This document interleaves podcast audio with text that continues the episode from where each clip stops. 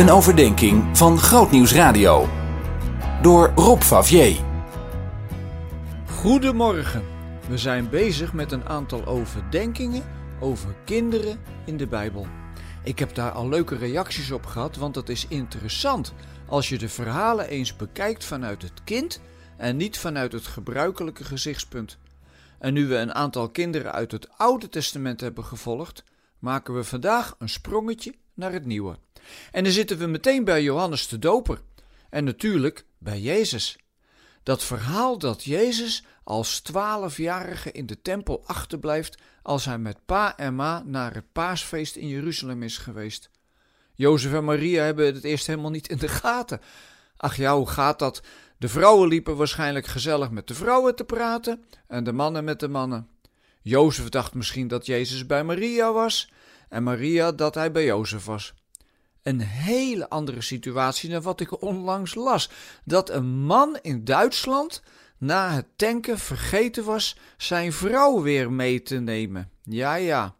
Nou, daar denk ik toch iets anders van. Maar Jezus, hij zit tussen de wetsgeleerden en valt op door de goede vragen en antwoorden die hij geeft. Nu ken ik wel wat mensen die hoogbegaafde kinderen hebben, en je zou je bijna afvragen of Jezus dat ook was. Hij zit al op zijn twaalfde bij de leermeesters.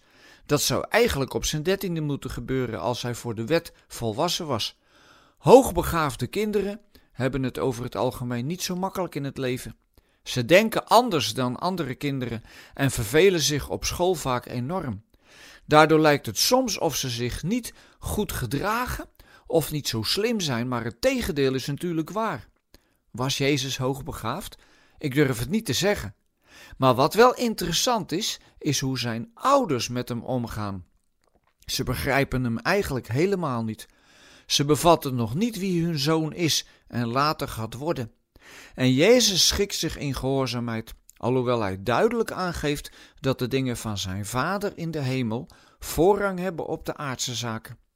Er wordt over dit verhaal niet zoveel meer gezegd in de Bijbel, maar ik moet even denken aan al die kinderen die zich onbegrepen voelen, doordat ze net even anders zijn dan anderen. Ik sprak pas iemand van rond de zestig die ook hoogbegaafd is en verzuchtte dat hij het zijn hele leven al moeilijk vindt om het juiste sociale gedrag te vinden. Als je je niet begrepen voelt, dan kan dat tot eenzaamheid leiden. Zou Jezus zich ook wel eens eenzaam hebben gevoeld? Hij was er in ieder geval voortdurend op uit om mensen die zich eenzaam en onbegrepen voelden te vertellen dat ze er voluit bij hoorden en dat hij ze heel goed kon gebruiken in zijn koninkrijk. Juist al die verschillende mensen maken het zo mooi. Maar dat kun je alleen maar ervaren als je je eigen gedoetje ook kunt relativeren en niet vindt dat iedereen zo moet worden als jij.